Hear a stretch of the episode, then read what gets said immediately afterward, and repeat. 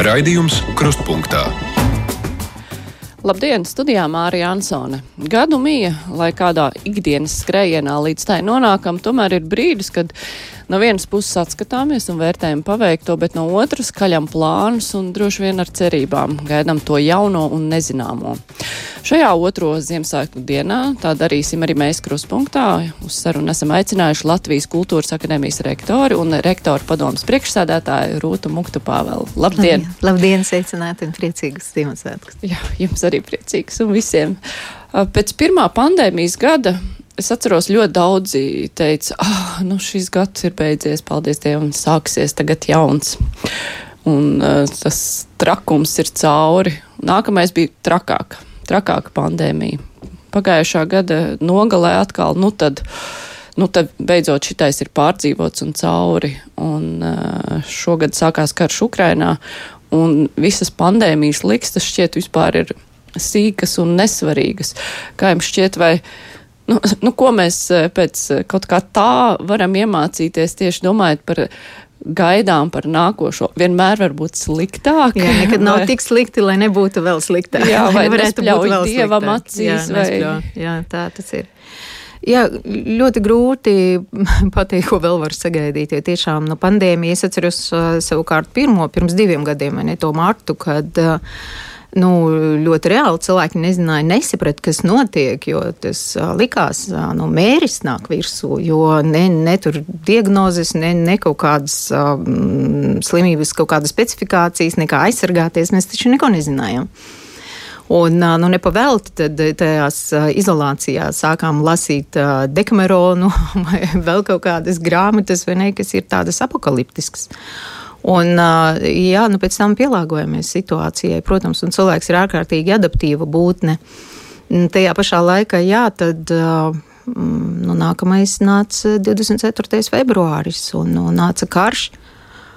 Un atkal, jā, nu, sirds asiņo un, un nu, manuprāt, ka ar šādu situāciju nevar un nedrīkst samierināties, un nedrīkst arī atslābt un, un aizmirst, ka tepat kaimiņos cilvēki tiek nogalināti katru dienu, simtiem karavīru iet bojā. Un, un faktiski tas 21. gadsimts atkal nu, neko nesam mācījušies kā, kā homo sapiens. Un tas nākamais, ko jūs teicat, tas man atgādināja vienu sarunu ar, ar kolēģi Vitu Zelču vienā kopīgā pasākumā. Nu, kaut kā sākām arī runāt par to, ka, nu, re, bija, nu, mēris, tad karš, nu, es saku, nu, gaidām tagad trešo jātnieku. Nu, tas ir pēc apakalipses. Es saku, nu, kāds vēl trešais, nu, vai tad nepietiek? Nu, es saku, nu, bats, nu, bats, nu, gaidām badu. Un uh, no vienas puses, jā, nu, tas ir joks, jo mēs nevaram iedomāties, ka kaut kas mums pietrūktu vai kaut kā, bet bija arī tiešām uh, labības krīze, kad, uh, kad uh, nu, mēs jau nerunājam par Latviju, kur tiešām katram kaut kur, kaut kur laukos varbūt vēl radinieki, kas kādu kartupelīti vai speķīti var izaudzēt. Bet, ja mēs runājam par globālu tādu attieksmi un situāciju, tad, protams, nu, nu, tas ir ļoti nopietni. Jo, ja Ukraina, kas ir tiešām pasaules arodi, Jā, tur ir ar mīnām, ar, ar, ar, ar, ar, ar raketēm un, un vispār iznīcināta vai nekā tāda.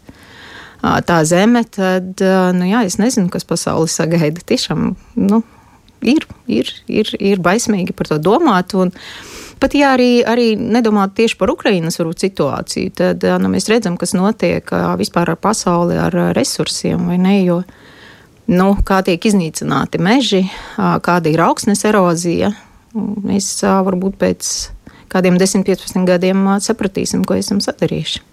Bet, nu, ja tā filozofiski paraugās uz visu, kas notiek, vai tas nav arī stāsts par to, nu, ka mēs nenovērtējam, kas ir?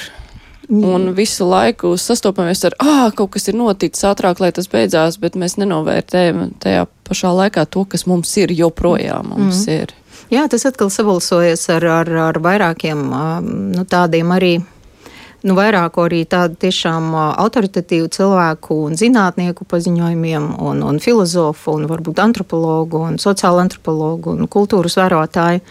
Nu, pirms tam, nu, jā, pirms kaut kādiem pieciem, sešiem gadiem, nu, viņi teica, ka cilvēci šobrīd dzīvo tik labi, kā nekad līdz šim. Un acīm redzam, mēs to nespējam novērtēt. Un cilvēks kaut ko novērtē tikai tad, kad viņam vairs nav, kad viņam kaut kas pazūd, kad aiziet bojā. Tad viņš saka, ah, nu kāpēc? Un, un te nu mēs esam. Te nu mēs esam. Es jums, es jums pilnībā piekrītu un pievienojos. Jā, mēs nespējam novērtēt to, kas mums ir. Bet, eh, ja mēs skatāmies uz mūsu sabiedrību, ko šis karš kurš nav pie mums gluži, bet tepat aiz sliekšņa ir izdarījis ar mūsu sabiedrību. Um, Kolēģis Ats Rozentāls no dienas vienā mūsu raidījumā teica, jā, ka brīžiem sociālajos tīklos viņš jūtas tā kā sarkanajā mežā, kur visi redz uz katra soļa sarkanos partizānus. Nu, ar tādām aizdomām cilvēki skatās uz līdzcilvēkiem, apvainojumi birst. Nu, Kāpēc tas tā notiek šajā brīdī, kad vajadzētu visiem būt eh, nu, par to lielo lietu, visiem kopā, par mieru, mm. uh, par ukraiņiem, bet mm. uh, mēs sākam meklēt ienaidniekus tepat blakus sev? Kāpēc tas tā notiek, jūsuprāt? Es nezinu, es atkal atceros to, tos pirmos mirkļus, to 24. februāri un tā sociālo solidaritāte Latvijā. Nu, tas, par ko es biju ļoti izbrīnīta, pozitīvā ziņa, ka mūsu saima ar tajā laikā vēl saskaņa bija, kas, kā zinām, principiāli visam, kam bija opozīcijā, ko, ko pozī, par ko pozīcija bija vienojusies, un viņi arī vienbalsīgi nosodīja Krievijas agresiju agresiju Ukrajinā. Man likās, ka nu, rekur šīs brīdis ir klāts. Protams, viņu nu, ārkārtīgi sāpīgs, vai tiešām mums nepieciešams karš, lai saliedētu sabiedrību. Un tajā pašā laikā, acīm redzami, jāpaiet kaut kāds laiks, atkal, atkal nu, vecas lietas. Nu, tas, ko es teicu pirms tam, nu, ka sāk pierast un sāk atgriezties nu, jā, savos tajos paradumos, kas jau ir bijuši. Uh, nu, meklējam to ienaidnieku. Tā tas ir. Un, nu, tas ir cilvēka dabā īstenībā. Man ļoti negribētos domāt, ka cilvēki spēj solidarizēties tikai nu, tādu galēju, tādu ekstremālu kaut kādu šausmu un briesmu mirklī, un pēc tam ļoti ātri atkal pārstruktūrējas, aizmirst un atkal dzīvo visu pa vecam. Un es kaut kā nu, mēģinu vēl, vēl uzturēt to, to nervu sevi arī Nu, kā, nu, tur nav ko mēģināt, protams, no, tāpēc, ka tās ziņas un, un visu laiku klausies, un visu laiku jau tā spriedze jau nekur nepaliek. Bet eh, nu, tas, ka man šķiet, ka ļoti svarīgi tomēr nepierast pie, pie netaisnības, pie, pie, pie briesmām, pie tādām nu, reālas eh, nu, situācijas, kurā, kurā mēs bijām februāra beigās un, un faktiski šobrīd arī. Un, jā, laikam nedrīkst pierast. Ja kultūra brīdī, kad notiek karš pie kaimiņiem, un mēs saprotam, ka tas nav tā, ka mēs paši arī esam apdraudēti, vai kultūras loma kļūst citādāka šādā brīdī, vai kultūra var turpināt darboties un vienkārši reflektēt to, kas notiek, vai ir jābūt kaut kādai, es nezinu, citai apziņai, citam patriotismu līmenim. Mm tur arī ir viens solis varbūt līdz uh, propagandai, kas darbojas kultūrā. Proti, mēs nosodam propagandu, kas darbojas Krievijas kultūrā, jo viņi pārliecina cilvēkus par labu karam. Bet mēs, kas esam citā frontē, mēs gribētu varbūt redzēt kultūru, kas darbojas arī tādā propagandas līmenī, bet uz otru pusi. Vai nu, tu, uz to var tādā veidā raudzīties? Jā, nu šeit lēmām vairākas tādas tēmas, kas skan vienā jautājumā, bet tas ir, ko es varbūt gribētu sākt šķietināt. Nu, ir tas, ka kultūras mākslas cilvēki nu, ir tie, kas, nu, neslēpsim, tie ir tie visjutīgākie, tie cilvēki, ko es saku ar antēnām, viņi pirmie tā, tādi uztverēji. Viņi pirmie laikam arī tver tās gan noskaņojumus, gan arī tādas nu, dažādas uh, sabiedrības attieksmes. Un, uh, nu, man šķiet, uh, māksla ir visempātiskākā joma vispār. Un kā mēs redzam, tieši kultūras cilvēki, mākslas cilvēki parasti ir dažādu atmodu priekšgalā, un to mēs esam jau piedzīvojuši. Un pēc tam atkal nu, viņi kaut kā tiek pabīdīti malā, un tad atkal nāk visādi ekonomikā un politikā pieredzi, nu, tādi ieinteresēti cilvēki, kas ātri kārto lietas, un tad tie kultūras cilvēki atkal tā kā nu, kaut kā, tā kā tādā čaulā nu, tā iekūnojas, un, un atkal kādu laiku, vai ne? Un atkal ir tādi sociāli um, sprādzieni, un atkal viņi iznāk kā. Uh, priekšplānā. Man šķiet, ka tas arī bija, jo mēs redzējām arī vairākas uh, tieši mākslinieku radošu personu apvienības, kas uh, bija vienas no pirmajām, kas nosodīja šo, šo te kāru, šo te iebrukumu. Un, uh, es atkal negribētu teikt, ka nu, tagad viņi padarīja savu darbu, un tagad atkal mums iestājas ikdiena. Mm, attiecībā uz to propagandu. Nu, ne, tie, ir nesamērojami vienkārši mērogi, kādas, kāda ir propagandas mašinērija Krievija ir iegriezus. Un, nu, jā, kaut ko jau speciālisti, protams, tam nesekoja, bet nu, kaut ko pa brītiņam, kaut ko tur saklaust caur citiem, varbūt medijiem. Un es nezinu, vai, vai kultūrai un mākslai vajadzētu tagad uzņemties kaut kā, nu, kā pretīm, uh, kaut ko mēģināt. Uh, darīt. Man šķiet, ka nu, lieta ir tāda, ka es, protams, nesmu tāda. Nu, Nesmu tik naiva, ka nu, uzskatītu, ka jā, pastāv kaut kāda absolūta objektīva viena patiesība, un tagad vajag tikai atklāt, un viss tagad kļūs laimīgi. Nu, tā cilvēki domāja varbūt pirms simts gadiem. Šobrīd laikam mēs vairs neesam tik naivi. Bet tajā pašā laikā man šķiet, ka ir kaut kādas vērtības, nu, kuras ir nu, acīm redzamas, nu, kurā zemē tad, nu, notiek šīs karš kam uzbruka virsū, kas ir mazāks, kurš ir vājāks no tiem. Un tad vienkārši elementāri nostāties tajā pusē, kurš ir vājāks, kuram vajag vairāk palīdzību, kurš tiek iznīcināts, kurš tiek izvarots, kurš tiek padzīts no mājām. Un tā ir elementāra patiesība. Tur nav, tur nav jāmeklē kaut kādus objektīvus kritērijus, vai nu, ko mēs varētu tur tagad pretīm.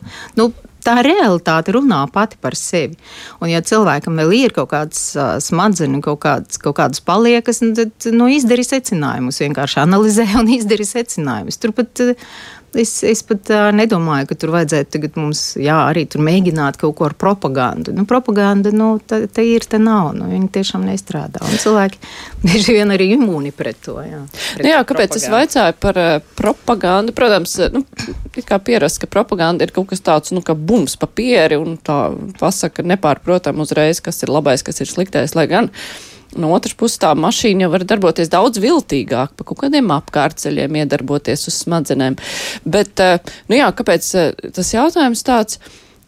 Kultūras cilvēki bieži vien arī, nu, vai rakstot kaut ko vai, nu, vispār savos darbos, nu, stāsta mazliet par kaut ko vairāk un apkārt, nu, kaut kādu jaunu niansi problēmai, situācijai, kaut kāda interesanta doma ir radusies, kas nav tāda taisnvišķiena, mm -hmm. nu, ka pams, tas ir labais, tas ir sliktais. Jā. Un tas arī tiek bieži pārprasts un saka, Kāpēc ne, tu nenosodi tieši tā, nezinu, katrā vārda galā nesaka, Putins ir sliktais, eh, Krievi ir sliktie, uh, nu, kaut ko tādu.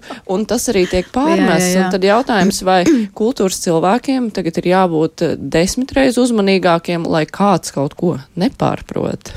Nu, tad jau mēs sāktu runāt par cenzūru, un tas ir nepieļaujami, protams. Ne, nu, kultūras cilvēki, mākslinieki, kur viņu spēks, tas ir viņu personības, tātad viņu personiskā pieredze. Un, nu, manuprāt, labs mākslinieks, labs tiešām tālredzīgs kultūras cilvēks, nu, viņš nemēģinās nu, kaut kādas tādas uh, abstraktas lietas, kaut ko baigi risināt, tur visas cilvēks vārdā. Jo tad uzreiz mēs uh, sajūtam to. to Nu, tā kā viltojumu, tā kā feiku, ko, ko, ko tagad jaunieši saka, vai ne, ka tas nav pa īstam. Bet tikko mākslinieks sāk stāstīt caur savu kaut kādu personisko prizmu, tad arī rodas tā empātija, ka jā, es arī tieši tāpat domāju, bet es nemācīju, man nav tā instrumenta, man nav tās, es nemāku tik tik labi gleznot, lai es to izteiktu. Es nemāku tik skaistu mūziku, varbūt komponēt, lai es to izteiktu. Es nemāku salikt tik skaisti vārdus un precīzi, lai izteiktu savus šī brīža sajūtas un, un kaut kādas lietas. Bet tās ir tās personiskās lietas, ar kurām pēc tam attiecīgi empatizējas. Nu, visi tie cilvēki, un visi, ka jā, es, es to zināju, bet es nemācīju tik skaisti to pateikt, vai arī tik precīzi noformulēt. Un tā ir tā dieva dāvana, manuprāt, jā, kas ir. Uh, tiem māksliniekiem tas ir baigais instruments īstenībā radīt šo te. Mm, patiesuma sajūtu, ka jā, es arī tāpat domāju, un tur nav nepieciešama nekāda ne propaganda, ne bumba galva, ne vēl kaut kas, bet vienkārši, nu, tad, vai tu jūties tāpat kā, kā es? Viņa aicina, vienkārši norāda, viņa, viņa aicina padomāt, vai, vai, vai arī tev tāpat ir.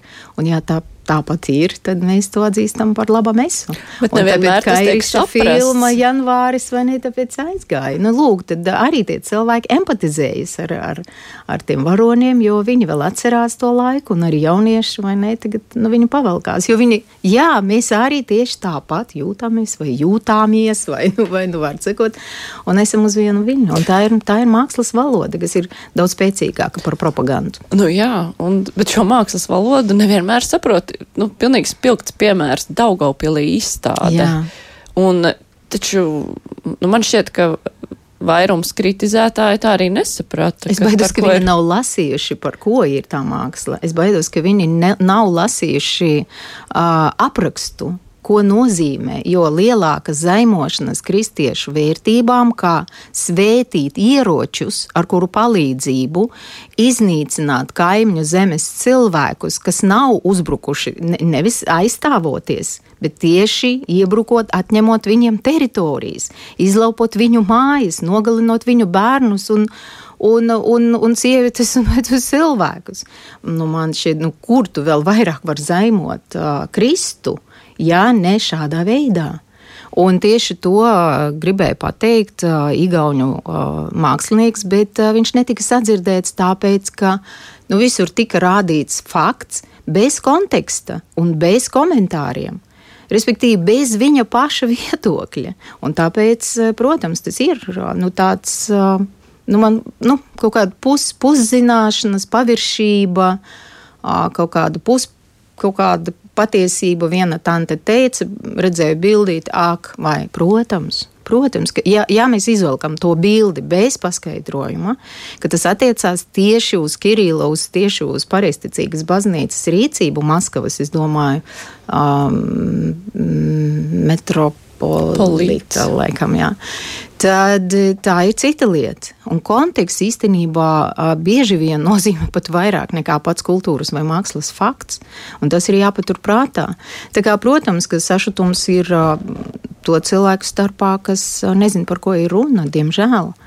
Un, ja ir, tad arī īstenībā tāda jau ir tā mākslinieka daba provocēt un likt domāt nevienmēr tas tiek sadzirdēts, vai arī varbūt Iekrīt, kāds jā. nevēlas sa saredzēt jā, un sadzirdēt. Protams, protams, var arī nevēlēties, jo. Jo tas neat, neatbilst tam priekšstatam, kāds ir mm. radies par kaut kādu mm. konkrēto problemātiku, un tāpēc mm. varbūt negribas redzēt nemaz, ka tur var būt vēl kaut kas cits. Jā, protams, ir arī, stāst. arī kaut kāds, nu, tur jau, mm, laikam, sociāla psihologi mm, labāk varētu paskaidrot, bet ir arī tāda pašaizsardzības mehānisms, ka cilvēki ļoti daudzas lietas vienkārši arī negrib zināt, lai nosargātu savu iekšējo mieru. Un daudzi arī mani kolēģi arī saka, un, un es pati jūtu, ka tā slodze jau ir nu, pa lielu, ja nu, saka, es vairs neklausos ziņas, jo es gribu saglabāt savu veselu saprātu. Es, es vienkārši jūtu, ka es nevaru neko palīdzēt, un visu laiku tu pārdzīvo, pārdzīvo, pārdzīvo, un tu tiešām vari iedzīvoties ļoti nopietnās arī psiholoģiskās problēmās. Bet tajā pašā laikā tā nav pozīcija, tā ir strausa pozīcija. Nu, ir kaut, ka, kaut kā jāmēģina laikam sabalansēt, vai ne, gan šīs zināšanas, un, un arī, protams, nu, kaut kādā veidā. Jā, es piekrītu jums, ka ir tādi cilvēki, kas vēlās vienkārši sevi pasargāt, pat varbūt apzināti viņi neiedziļinās, neielaiž sevi kaut kādus kontekstus, lai nesabruktu viņu kaut kādu vērtību piramīdas, kas arī ir ļoti, ļoti saprotami. Kā jūs uh, raudzījāties uz uh, šīs gada balvas pasniegšanu Čulpanai Hamātavai kā labākajai aktrisei, jo viņa tika, nu, viņas vispār uzaicināšana Latvijā tik ļoti pretrunīgi vērtēta. Jā. Un joprojām ir pretrunīgi vērtēta. Un tas arī ir viens tāds gadījums, kad, nu, nu jā, ir paskaidrojums, kurš tiek eh, ļoti dažādi uztverts. Nu, tā ir tāda neviennozīmīga situācija, vai tas, ko viņa dara, ko viņa ir darījusi, kā to vērtēt, vai tas ir pieņemami. Un tas nav tas brīdis, kad uh, tu vari vienkārši novilkt līniju un uh, būt labajā vai sliktajā pusē. Mm -hmm. Šeit ir tāds tā kā tā pelēkā zona. Jā, pelēkā zona, jā. Jā, es, um, es, um, es redzēju uh, Alvija Harmonija izrādi postskriptumu kur uh, Čulpana Hamatova um, izpildīja šo galveno un vienīgo lomu. Uh, aktrise viņa ir izcila. Problemātika bija nu, nu, vienkārši tā, ka tev jā, tur bez vārdiem tā. tā mm, ne, ne tā kā izcila, bet ļoti, ļoti, ļoti trāpīga. Un, respektīvi, jā, tā ir loma bija tiešām kolosāla. Man šķiet, tas ir notikums. Un pārējās lietas, jā, es redzēju, bez šaubām spēļu nakti, un viņi nevienu vārdu nepateica, krieviski. Viņi runāja tiešām latviešu. Es, es, biju, es biju ļoti lielā sajūsmā par to. Man tas ļoti uzpirka, nu, varētu tā teikt. Ja es, uh, skatījos un neticēju. Es domāju, nu, kad tu beigsi, un tagad jau sāks runāt par savām, bet nebija. Un uh, tad, uh, jā, man šī ir pelnīta, viņa novērtēta kā aktrise, viņas talants, viņas uh, pilsoniskā pozīcija. Un tajā pašā laikā, protams, viss tas sašutums arī sociālajos tīklos, protams, liek uzdot jautājumus. Tajā pašā laikā trešā puse, ja tāda varētu būt, e, nu, atcerēsimies, Svētais Pauls arī nāca no saula. viņš bija tas, kas vajāja, vajāja Kristu, kas uh, draudēja viņam un gribēja viņu iznīcināt. Un nu, notiek arī cilvēkiem arī kaut kādas pārvērtības un kaut, kaut kādas brīdis, kad viņiem nu, pielec kaut kādas lietas, un tas mēdz notikt arī ļoti pēkšņi. Es, protams, nesalīdzinu, ne, neuzskatiet, cilvēki mīļie, tagad, ka es kaut kādu tur salīdzinu Hamatu ar Svēto Paulu. Protams, ka nē. Bet es vienkārši to lūzumu punktu, es nezinu, kāpēc, es kaut kā viņu saprotu, ka cilvēks, jā, varbūt viņai, viņa arī tiešām, viņa vadīja tādu fondu, kas glāba bērnus. Un to naudu viņu piesaistīja nu, ne jau sautīgos nolūkos. Viņa tiešām ļoti daudziem ir palīdzējusi un tā tālāk. Bet, nu, putiniste, nu labi, nu skarbā putiniste, bet viņai nu, kaut kas pielec. Bet cik no mums mēs tā arī esam palikuši, diemžēl, tajā miglas zonā, kur mums tā arī nepielec. Un man šķiet, ka tie cilvēki ir daudz bīstamāki nekā tie, kuriem tomēr, kaut arī vēlāk varbūt, bet tomēr pielec. Vēl par eh, kultūras cenzūru runājot, nu, dušien, ka to sadaļu arī noslēdzot, eh, tagad ir aicinājumi izskanējuši neatskaņot Čekovski, nu, vispār eh, Krievu autorus teātros, operās nerādīt.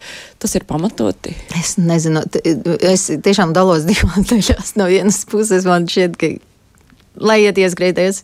Nav tā, tas ir pārspīlēti, bet mēs tiešām dievinam to, to krievu kultūru. Iespējams, arī tāpēc, ka mums nebija ļoti ilgi arī aiz tā dzelzs priekš, nebija priekšstata par to, kāda ir tā pasaules kultūra. Tā ir viena lieta. No otras puses, protams, var arī saprast cilvēkus, kas aicina aizliegt, nu, es nezinu, aizliegt vai neklausīties, vai kaut kā meklēt alternatīvas, jo mēs zinām, jā, Izrēlā Wagners līdz šim ir aizliegts tieši tāpēc, ka koncentrāgeros, dedzinot holokausta laikā, dedzinot cilvēku skanēja Wagnera mūzika. Kā mēs varam viņu pēctečiem pēc tam pateikt, tā neziniet, viņš ir baigi foršs komponists. Ja? Nu, vi, nu, viņiem tas neiet kopā, bet tas nenozīmē, ka, protams, visā pasaulē Wagners ir, ir aizliegts, jo viņam, diemžēl, vai par laimi, tā mūzika ir, ir kolosāla. Un viņš jau nav vainīgs, ka viņa mūziku izvēlējas. Viņš jau nedzīvoja ar Hitleru vienā, vienā laiktelpā galu galā. Bet tajā pašā laikā man šķiet, ka mēs bišķiņ pārspīlējam to, to krievu kultūras varenību, jā, jo, jo mums, nu, uh, nav bijis, uh, bijusi iespēja retiem no mums, un tikai tagad, uh, faktiski pēdējos kaut kādos nu, 15 gados, kas uh, jau mūsu bērni vai ne, kas perfekti pārvalda, vai ne, piemēram, es nezinu, citas valodas, angļu, franču, vācu. Viņi var oriģinālā lasīt Šekspīru un, un par viņu vārdsmām sajūsmināties par katru vārdu. Mēs to nevarējām. Mēs tad lasījām Dostojevskiju vai ne, vai, vai es nezinu, tur Tolstoju vai Neļevu un, un, un tā tālāk. Un arī, nu, tad sajūsminājāmies par to, kas mums bija, un pārējās lietas pasaules literatūru apguvām tulkojumos, kas varbūt nevienmēr bija tiešām tik izcili kā, kā oriģināli. Un man šķiet, ka nevajadzētu to krievu kultūru tiešām tik ļoti arī ākt, nu baigi, tad mēs jau tagad pasauli izbeigsies, ja nebūs krievu kultūras. Nu, Nu, tas ir pārspīlēti, protams. Es arī netiecu no to uz, uz visu kultūru. Man arī bez šaubām ir krievu rakstnieki, ko es pārlasu, un kas man ļoti tuvu un, un kas man ļoti patīk. Bet uh, es negribētu to absolutizēt. Un, ka, nu, jā, tagad lielā, tur, es nezinu, var, varena krievu kultūra. Kultūra kā kultūra. Vienkārši viņi ir ļoti daudz, tie krievi, un tāpēc viņiem ir labs menedžments, varbūt arī pasniegt tās savas kultūras uh, lietas. Es atgādināšu mūsu klausītājiem, ka šodien kopā ar mums ir Latvijas Kultūras akadēmijas rektora un rektora padomas priekšsēdētāja Rūta Mukta Pāvela, un mēs sarunu tūlīt arī turpināsim. Raidījums Krustpunktā. Nu, par tādām uh, pašu lietām runājot, uh, šis gads arī ir tāds grūts, tīri praktiski visiem. Nākamais droši vien nebūs vieglāks, ir milzīga inflācija, nu, jā. viss ir dārgs un budžeta nav joprojām. Kā jūs, uh, nu, kā vadot akadēmiju vispār jūtaties šajā situācijā? Nu, nedroši, nedroši. Es ļoti gaidu, kad uh, paliks siltāk, kad varēs taupīt uz apkures rēķina atkal un, un uh, jā, mēģinot arī elektrību taupīt un, un visas, protams, ka nu, nedroši jūtamies. Mēs nezinām, kas būs nākamgad. Un, Un, uh, mēs nezinām, kad beigsies karš. Uh, nu, kādēļ mums arī tā, tā taupīšanas režīms, protams, ir uh, solidarizējoties, jo faktiski, uh, protams, ka ļoti labi saprotam, ka Ukrainas bēgļi guļas, uh, gulsās uz mūsu, uz mūsu budžeta rēķina un no tā cietīs. Cietīsim savā ziņā visi, bet alternatīvas jau nav. Ir jābūt solidāriem un uh, Protams, ka man priecē arī, arī uh, dot pieci vai ne, kas saziedoja rekordu augstu summu, 800 tūkstoši laikam bija pāri. Un es arī ziedoju, un es arī, protams, priecājos tomēr par cilvēku atsaucību, neskatoties uz to, ka, nu, protams, ka mēs saprotam, nav, nav viegli un nebūs viegli. Un nākamais posms pēc tam jau vajadzēs atkal palīdzēt Ukraiņai, lai viņu atkal paceltu, atkal no jauna. Un valsts ir milzīga. 40 miljoni iedzīvotāju. Ne? Tā nav joka lieta, kurš mums diviem miljoniem var salīdzināties. No ar bažām skatos uz, uz nākotni, bet arī, nu, nezinu, nu, es domāju, ka, ka jāmeklē kaut kā kopā visiem kaut kādus risinājumus. Es ļoti ceru, ka arī jaunā valdība kaut kādus risinājumus atradīs.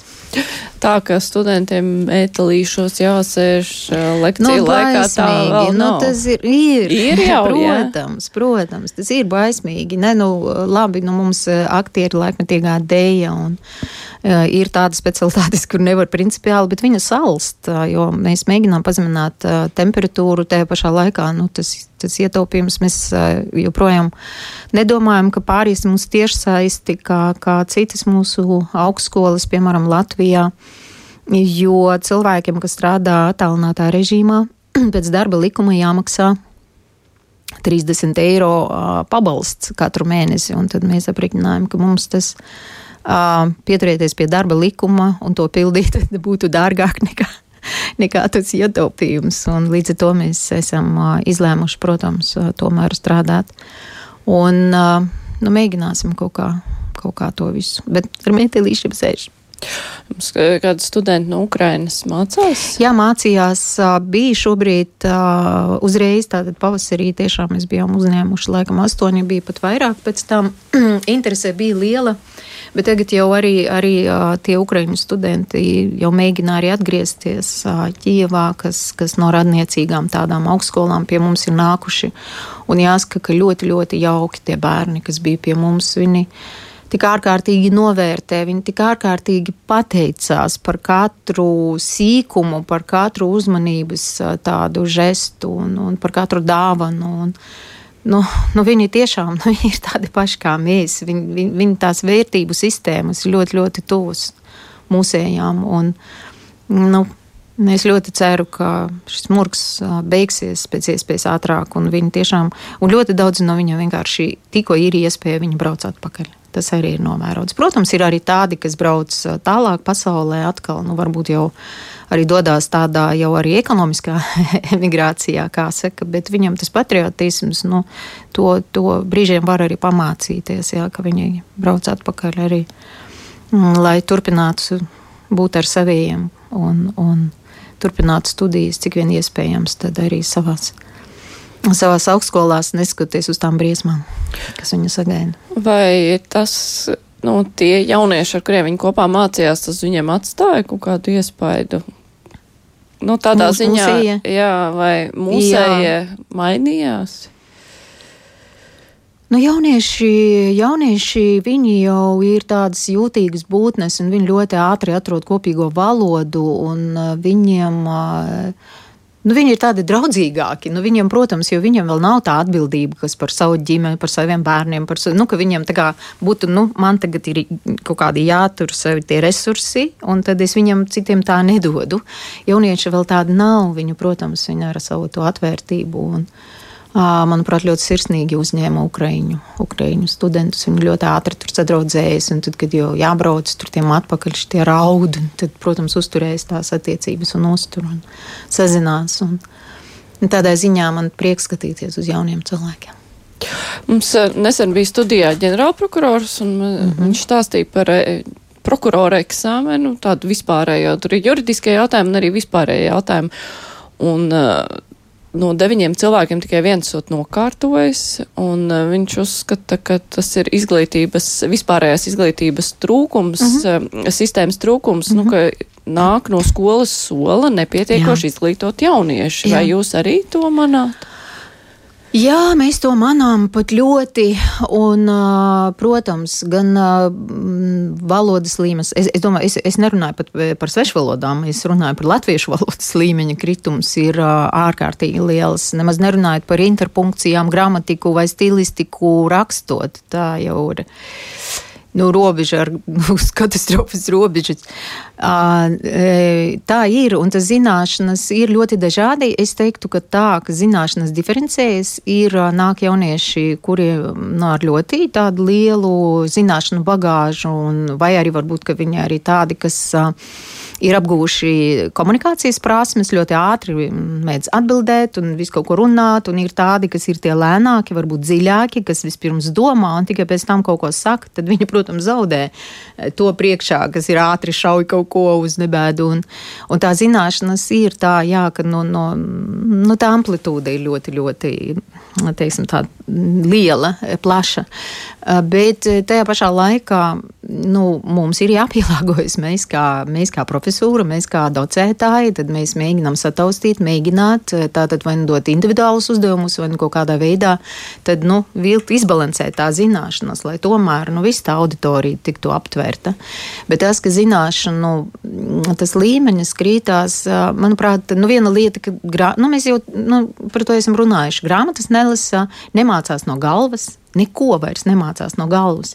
Tāpēc, ka vienmēr ir kāds gadgets, kā, kāds iPhone vai kāds dators, kur vienmēr visu var paskatīties.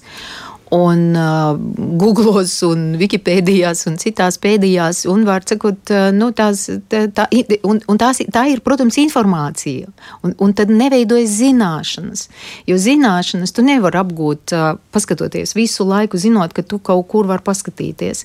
Zināšanas ir ļoti darbietilpīgs process, regulāri darbi, pašdisciplīnas process, un tikai tad veidojas uz, uz tās informācijas pamata, tikai tad tu vari sintezējot to, to milzīgo informācijas daudzumu, var mm, iegūt zināšanas, bet tā sintēze nenotiek. Un tāpēc, manuprāt, protams, es piekrītu, zināšanu līmenis krītās, informācijas līmenis palielinās, bet cilvēks, ja viņš strādā savā nozarē, viņš visu laiku nevar ska, ah, nu pagaidies, tagad paskatīšos, ko par to Google, vai ne? Nu, tu nevari tā strādāt vienkārši, tev ir jābūt zināšanām. Es uh, arī ar, ar tādām bažām skatos uz nākotni. Tajā pašā laikā es nedomāju, ka tā nākamā paudze, kas tagad nāk kā, kā eksāmenis, mēs pieņemam, ka viņi nevarētu kaut kādā veidā nu, savu to dzīvi menedžēt un sakārtot, ka viņi dzīvo sliktāk nekā mēs, tāpēc, ka viņam ir tur kaut kāda zināšanas nepietiekamas. Jo mēs jau vērtējam no savas perspektīvas, no savu Jo es atceros, ka, nu, attiecīgi tātad, kad bija mana, piemēram, mamma vai, vai vecmamiņa, un es, ka, oh, ka, nu, piemēram, tur Ulmaņa laika izglītība, oh, tā tas bija, vai, vai tur Lietuvā, kad bija tur Smetona, viņš ģimnāziju pabeidza Smetonas laikā, kas būtu ekvivalents Ulmanim, vai ne, un tad, oh, reiz, nu, tad bija, nu, jūs saprotat, nu, un, un tagad jau mums, nu, smiekli tā kā nāk, jo mums jau atkal cita zināšanas. Es domāju, ka, uh, laikam, tomēr mums arī jāpielāgojas pie, pie tās jaunās paudzes vajadzībām un, un pie viņa līmeņa. Mums ir jādod visu, ko mēs spējam, bet cik viņi spēj no tā paņemt, nu, tas ir jautājums. Bet mēs viņiem kā lai saka, mēs varam tikai palīdzēt. Mēs viņiem ne, nevaram vairs regulēt, un, jo viņam būs jādzīvo nākotnē, ne jau mums. Uh, ir tāds liels satraukums no STEM jomu pārstāvjiem, ka jaunieši nu, skolās uh, nemācās pietiekoši dabas zinības, eksaktos priekšmetus. Tajā pašā laikā nu, tas, ko jūs stāstat, uh, runā nu, ne jau tikai par to, ka kaut kāda tāda vai šāda zinība nav apgūta, bet ka kopumā tas mhm. tā pieeja tas jebkam, jā. kas ir jāmācās, ka tā pieeja kopā jā. ir mainījusies. Bet vai tā ir izglītības sistēmas problēma, pedagoģu trūkums vai kur gan, tas sakņojas, vai arī vienkārši gan, ir citi laiki, gan, un gan. tagad cilvēks, kurš ir pabeidzis skolu un nevarēs citēt Platonu, bet viņš kaut ko citu mācīs. Tā ir tā lieta. Nu, es domāju, gan, gan, protams, pedagoģu trūkums, un tā ir katastrofa. Tas ir skaidrs, un vispirms jau tas prestižs, vai ne? Un tad, nu, tas ir tas aburtais lokus. Bet arī tās ir pasaules tendences. Jo šobrīd, nu, es nezinu, cik cilvēki grib būt izcili zinātnieki, cik arī, ja mēs, piemēram, tagad pusauģiem pavaicātu, vai viņi grib tiešām iet tur Platona, kā jūs sakat, vai Einsteina, vai ne tur pēdās, vai kāda influencera pēdās. Es baidos, ka būtu tas otrais variants. Nu, viņi kaut kā redz, ka, ka tā pasaule, kā viņa virzās un kādas tās vērtības, ka, nu, jā, var arī bez zināšanām, bez diploma, bet jā, tu smuki izskaties. Uh, atbilstoši runā tai auditorijai, ko viņi grib dzirdēt no tevis, tu vari arī diezgan labi dzīvot. Un man šķiet, ka tā ir tā lielākā problēma, jo šeit jau ir vērtību līmenī uh, milzīga problēma, ja, kas tātad tiek sabiedrībā nu, uzskatīt par to labklājību, uh, kas ir tas, pēc kā tiekties jaunai paudzei. Un tas man atklāti sakot, uh, jā, tur ir vilšanās. Un, un tā tiešām. Nu, Viņš ir pat bail, ja, jo tur jau nav vairs runas par kaut kādu. Jo viņi jau neredz arī tos influen influencerus. Man nekas nav pret, pret tiem cilvēkiem. Jo viņi arī strādā, viņi daudz laika pavada. Viņi tiešām tas nav tā, ka nu, viņi atkož arī kaut kādas uh, strāvojumus, kas tur kurām, kā, kāpēc. Bet tajā pašā laikā, jā, to, to mēs redzam, tas ārējais, viņš tik ļoti dominē pāri saturam, ka, nu jā, ar to ļoti grūti samierināties. Jā. Jums šoruden bija pētījums par kultūras lomu Latvijas ilgspējīgā atti attīstībā. Jā. Vai tur parādījās tas aspekts arī, kā kultūru patērē nu, šī tiktoku paudze, kura, nu, kurā ir citas vērtības. Ir citas jā. vērtības, jā. Un kur tur ir vieta kultūrai, tur eh, tas parādījās tāds uh, aspekts.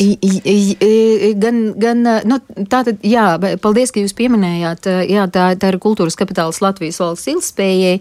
Bija tāda valsts pētījuma programma, kur Latvijas kultūras akadēmija bija tātad eh, vadošais partneris mēs kopā pētījām ar eh, Jāzepa Vītola eh, Latvijas Mūzikas akadēmiju, Latvijas Mākslas akadēmiju, tātad Nacionālo bibliotēku un Latvijas universitātes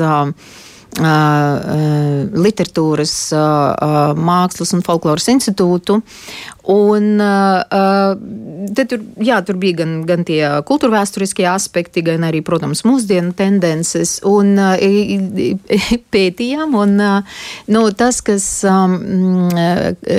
ko mēs kā, pievērsamies arī ar, ar profesoru Laķis, starp citu, mēs pat vienu referātu sagatavojām tātad Belfastā, to prezentējām attiecībā uz digitālo, uh, digitālo teātri, digitālās, uh, jo tieši tas bija uh, aktuāls arī pandēmijas laikā, man ne tad uh, veidojas tādas digitālas izrādes. Un uh, noskaidrojās arī intervijās un pētot arī dažādus uh, citus uh, elektroniskos resursus uh, un periodiku, ka tomēr nozarei uh, īpaši nepatīk. Uh, un arī patērētājiem, starp citu, īpaši tā digitālā vide, nu, kurā ietilpst arī TikToks, vai ne, tā īpaši kaut kā viņi attiecībā uz profesionālu mākslu, nepārāk. Bet tas, ka TikToks ir un būs, un man ļoti patika mm, arī manu prorektora, profesora mm, Senkova teiktais vienā intervijā, ka nu, mums jākonkurē ar TikToku, jā, profesionālai mākslai būs jākonkurē ar TikToku. Tas nozīmē, ka jaunieši būs tie, kas patērēs nākotnē kultūru un kā e, kā viņiem un ko viņiem piedāvāt, lai viņi paceltu acis no TikToka un tomēr pieslēgtos vai nu reālam, reālam mākslas darbam, vai arī kaut vai digitālam, bet kas saturiski būs citādāks nekā TikToks. E, kam tur jābūt? Laikam ar tiem 5D vai nekā saka, ar to vien nepietiks. Acīm redzam, mums jāpiedāvā nu, kaut kādas lietas, kas jauniešiem ir saprotamas, lai mēs runātu viņu valodā, par viņu vērtībām, par viņu problēmām galu galā. Un tad es domāju, ka var konkurēt arī TikToku, un tā paudze nav nav tikai TikTokos. Starp citu, par ko es biju izbrīnīta 1. septembrī, vai tas ir pandēmijas ietekmē vai kā, bet es runāju arī ar kolēģiem ārzemēs. Viņi arī ir novērojuši, ka studenti atkal nāk ar kladītēm, un viņi raksta ar roku. Jo bija, nu, pirms pandēmijas, nu, tiešām bija ļoti populāri klēpdatori, visi cakināja vai ne visu, visu, visu, visu lekciju laikā, bet es biju tiešām ļoti izbrīnīta un ļoti patīkami pārsteigta, ka atgriežas pie rakstītā vārda atkal pie kladēm. Un tas viena lieta, ka, protams, tas arī attīsta smadzenes, ne, neļauj, tas ir patiešām cits tāds realitātes uztveres veids, un viņi to dara. Un man tāds tā kā šķiet, ka tas TikToks varbūt nav visvarenais. Nu jā, tas eh, galvenais jautājums ir, vai um, nu, ir galvenais aizvest prom bērnus un jauniešu prom no datora, jo kultūra jau var, Jā. var, var ko sākt ar kinoteātri. Absolūti. Un galvenais iziet Piekrīt. laukā no tā ekrāna, un, un tad jau ir ir skolas soma. Tā ir tiešām tā programma, kas, manuprāt, ir absolūti lieliska, kas tika uzsākta vai ne Latvijas simtgades projektu ietvaros Latvijas skolas soma, atsevišķa programma, kas tiešām bērniem parāda alternatīvu, kvalitatīvu, augstā līmeņa profesionālas mākslas iespējamību. Un, ja šīs programmas ietvaros vai ne bērns pirmo reizi nokļūst vai, ne, vai no operā, vai no simfoniskā uh, orķestra uh, koncertu vai uz izstādi. Uh, vai uz muzeju. Nu, manuprāt, tas ir lieliski viņus izraut no, no, no datora ikdienas, no ikdienas kā tādas un parādīt, ka eksistē arī alternatīva pasaule, kas, kas ir krāšņa, kas ir uh, uh, emocionāli piesātināta. uh, nu, jā, ka ir arī, arī kaut kas vairāk par fizioloģiskām vajadzībām. Un, manuprāt, jā, tas ir lieliski. Vai ir mainījusies motivācija, kādēļ jaunieši tagad iet mācīties uh, kaut kādas kultūras zinātnes, kaut kā kultūras jomā, jo, nu, es aizdomājos, uh, vecajos laikos bija elki aktieri, un varbūt kāds gribēja būt tāds aktieris vai režisors. Nu, tur viss bija skaidrs un saprotams, jā, bet vai tagad tā motivācija ir mainījusies, jo nu vairs nav aktieri tādi elki, bieži vien viņi ir seju redzēju vārdu nezinu. Tā ir. Tā ir pat stājoties, jā, aktieros, starp citu, dažs labs neatpazīst to pašu Seņkovu, ja, kas ir, nu, tā kā, tā kā vajadzētu viņam zināt. Bet um, tā motivācija, nu, ir specialitātes, kur nav mainījusies, jo tiešām gan aktieros, gan režisoros, gan audiovizuālajā mākslā, un tajās mākslinieckās jaunrades sektorā, tur tā motivācija ir, ir skaidra un tā pati, bet attiecībā uz citām specialitātēm, nu, manuprāt, tas, kas ir mainījies, ir viena lieta, kā cilvēki arī redz, ka kultūra ir arī tautsēmniecībai liederīga lieta. Viņi vēlās vadīt kultūras procesus, es domāju, arī, arī kultūras menedžments, izprast, vadīt. Un vēl viena lieta, ka kultūra ir lieliski dot to komunikatīvo instrumentu, ja, kā izteikt, kā, kā sevi, nu, es nezinu, sabiedrībā kaut kādā veidā, kā sevi pozicionēt, kā izteikt savas vērtības, kā veidot sevi kā personību. Un redzat, tās ir tās prasmes, kas darba tirgu vienmēr būs pieprasītas. Tas ir, ko es runāju pirms tam, ka, nu, respektīvi, ja tā informācija ir un zināšanas vairāk vai mazāk, tās ir modelējumas un ļoti strauji mainās, tad kaut kādas prasmes, ko iegūst mācoties tieši humanitāras un mākslas zinātnes, tās ir tādas stabilas, stabilas lietas, ne, kas tev ļauj dot tādu ļoti plašu izpratni par pasauli, par procesiem, tajā attiecībā uz cilvēkiem, attiecībā uz tehnoloģijām galu galā, un attiecībā uz to pašu mākslu un zinātni un reliģiju un citām lietām. Un man šķiet, ka jā, tagad viņi nāk un nu, kaut kā grib ne, man negribās tādus, eh, tādus vārdus lietot, kas varbūt grūti saprotami ikdienā, bet tādu holistisko tādu skatījumu, visaptverošu. Viņi grib izprast procesus, kā tā pasaule kustās. Un tur bez šīs iekšējās perspektīvas, bez šīs mākslinieckās jaunrades. Pienesuma, manuprāt, tā, nu, tas skatījums arī, arī izpratnē attiecībā uz pasauli būtu nepilnīgi.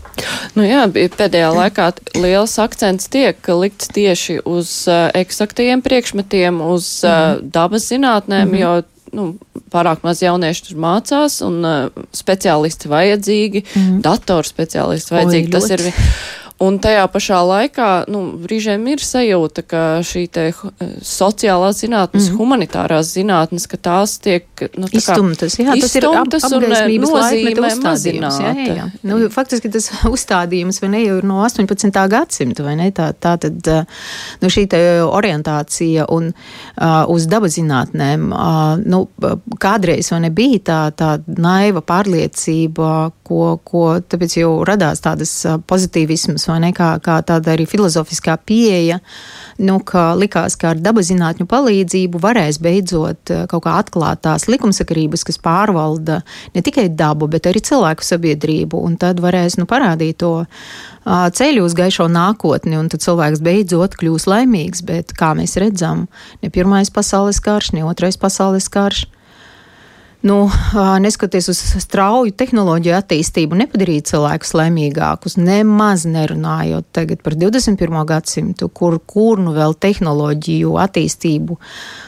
lielāku nekā šobrīd. Mēs jau tagad raugāmies rekrutulīt jau uz Mārsu, jo tur lidosim vai nē, un tā zeme ir tik ļoti maziņa, sarukusi, bet viņa arī tā tiek iznīcināta tieši ar tehnoloģiju palīdzību. Manuprāt, arī jaunieši un bērni, jo viņi tiecās pēc tās mākslas un humanitārām zinātnēm arī tāpēc, lai saprastu, ko darīt, jo tehnoloģijas mums ir ļoti tuvredzīgs instruments, kas ļauj brīnišķīgi menedžēt ikdienu, bet viņas neļauj paskatīties mums uz nākotni, kas būs tālāk ar mums, ar mūsu zemi, ar mūsu pasauli, ar, ar dzīvību uz tās. Un šo modelēt varam, nu jā, galvenokārt iejusties tādā mm, radītāja varbūt lomā ar, ar mākslas palīdzību, jo tad mēs varam modelēt Uh, savukārt, uh, tajā pašā laikā nu, saglabājot, nenodarot pāri nevienam, un tajā skaitā arī zemē. Un mēs redzam, ka tieši ar tādu mm, emocionāliem instrumentiem, ar, ar kultūrā balstītiem instrumentiem mēs varam pārliecināt, mēs varam sākt domāt un parādīt, kas būtu, ja, un uh, tehnoloģijas nespēja. Tehnoloģijas to nespēja. Tehnoloģijas ir nu, viņas kalpo, bet viņas neskatās uz priekšu, viņas nemodelē vai ne. Viņas dara tikai to, ko šajā brīdī cilvēkam ļoti konkrēti vajag. Arī tas pats mākslīgais intelekts. Tas veids ļoti konkrētas funkcijas, ko cilvēks šobrīd viņam liek darīt. Bet viņš nemodelē mūsu nākotni, kā tur būtu, ja būtu. Un, un, uh, tur savukārt ir nepieciešama gan šī emocionāla pieredze, gan kaut kāda arī spēja un prasme kaut kā tiešām skatīties uz pasauli un cilvēku tajā tād, no tādas visaptverošas tādas perspektīvas. Bet vai kādam jebkad ir izdevies modelēt nākotni, nu daudz maz tuvu tai, kāda patiešām ir bijusi šī nākotne? O, jā, e, kaut vai Žils Verns, vai ne, kad uh, viņš rakstīja savas grāmatas, kā apceļot uh, zemē, vai ne, vai, vai mm, dzīvot uh, ze, zemūdenē, un tā tālāk. Visi esam lasījuši, jo ne viņa lieliskas uh, romānas. Viņam tikai citas tehnoloģijas bija, tur jau tās ideja lietas, bija tā pati. Tur jā. jau tās lietas, un tāpēc tam. Uh, um, solāris. Nē, ir ļoti daudz, ļoti daudz tiešām tie autori, kas nāk arī galvā modelējuši tādas situācijas, un, un mēs tad esam varbūt arī nu, pasmējušies, ka, nu, labdien! Un es atceros vēl savā bērnībā, kad uh, lasīju grāmatas, uh, tā zinātniskā fant fantastika, vai ne, kad bija, kad nu, var, būs tādi uh, televi televizori, uh, nu, kā telefoni, bet kā mm -hmm. televizori, ka tu varēsi nu, redzēt to cilvēku, ar kuru tu runā par telefonu, nu, labdien, mm -hmm, varbūt. Un tad nu, mēs esam, vai ne? Un tas ir tik elementāri. Mums ir, protams, mēs ar datoru palīdzību vai nesazināmies un tiešām varam redzēt tos cilvēkus, ar kuriem mēs. Un tas ir pavisam neliels laika posms, vai ne? Kaut kādi 20, 30 gadi, ne? 40.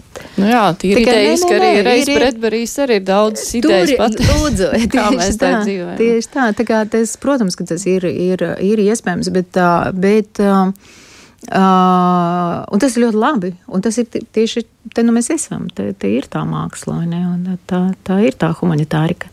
Bet uh, tas, kas ir vēl svarīgākais, kas mums ļoti nopietni liek pārdomāt, atkal, ko nozīmē cilvēks. Un tāpēc ir uh, pavisam nesen radies tāds posthumanisma uh, studiju lauks, ne, kas atkal mēģina atbildēt uz šo jautājumu, kas ir cilvēks kas ir tā pasaule, kas mums apkārt. Mums atkal jāpārdomā, jāpārdefinē, kas ir cilvēks. Satiekoties ar tehnoloģijām, piemēram, kas ir cilvēks satiekoties ar dzīvniekiem, ar augiem, ar vīrusiem, galu galā ar mikrobiem. Mums atkal ir jāpārdefinē, vai, ne? vai mēs tiešām esam tie uh, pavēlnieki un karali. Ne, vai, un īpaši vai, šis laiks tomēr, liek darīt šo te pārdefinēšanu. Tieši tā, tieši tā. Jā, es teikšu paldies. paldies Šodien jums. kopā ar mums Rūta Punkta Pāvēla, Latvijas kultūras akadēmijas rektora un rektora padomas priekšstādātāja. Paldies, ka varējāt atnākt paldies, otrajos Ziemassvētkos un būt kopā ar mums un Latvijas radio klausītājiem. Raidījums izskan producente Evi Junām, studijā bija Mārija Ansone.